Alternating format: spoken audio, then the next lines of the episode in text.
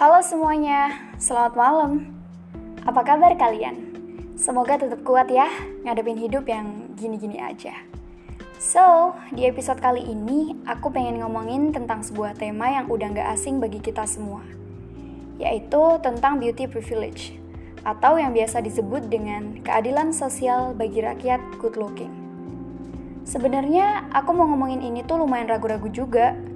Kenapa? Ya, karena beauty privilege ini adalah tema yang lumayan susah.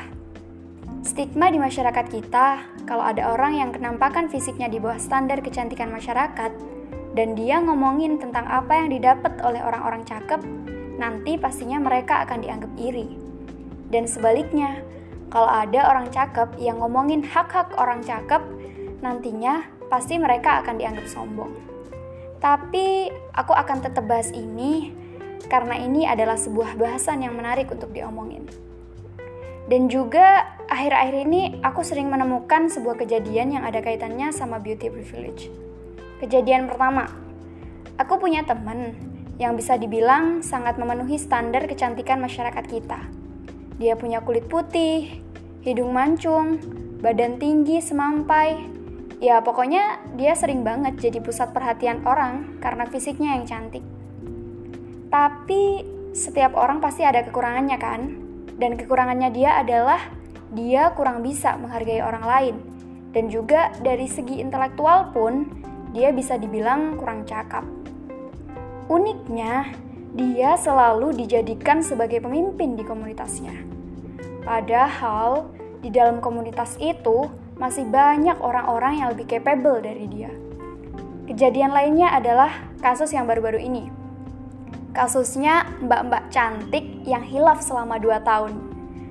Kalau kita lihat, emang banyak sih orang-orang yang menghujat dia karena kesalahan yang udah dia lakuin.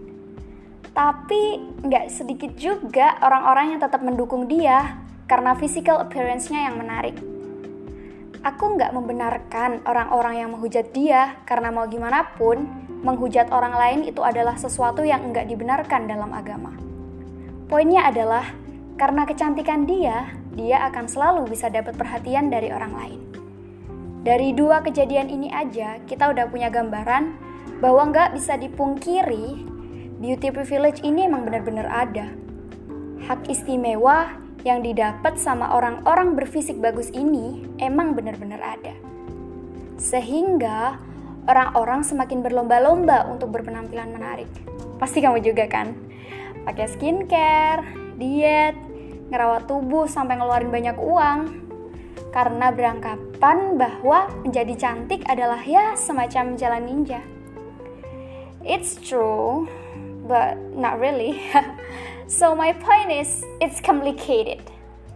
Ketika kita melihat secara lebih jauh, jadi orang cantik pun juga bebannya banyak.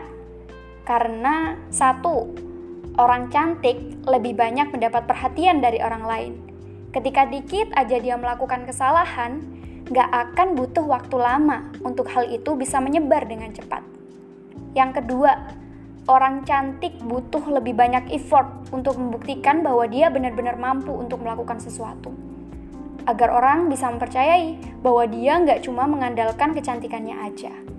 Dan yang ketiga, adalah fakta bahwa orang cantik lebih beresiko untuk dapat sexual harassment.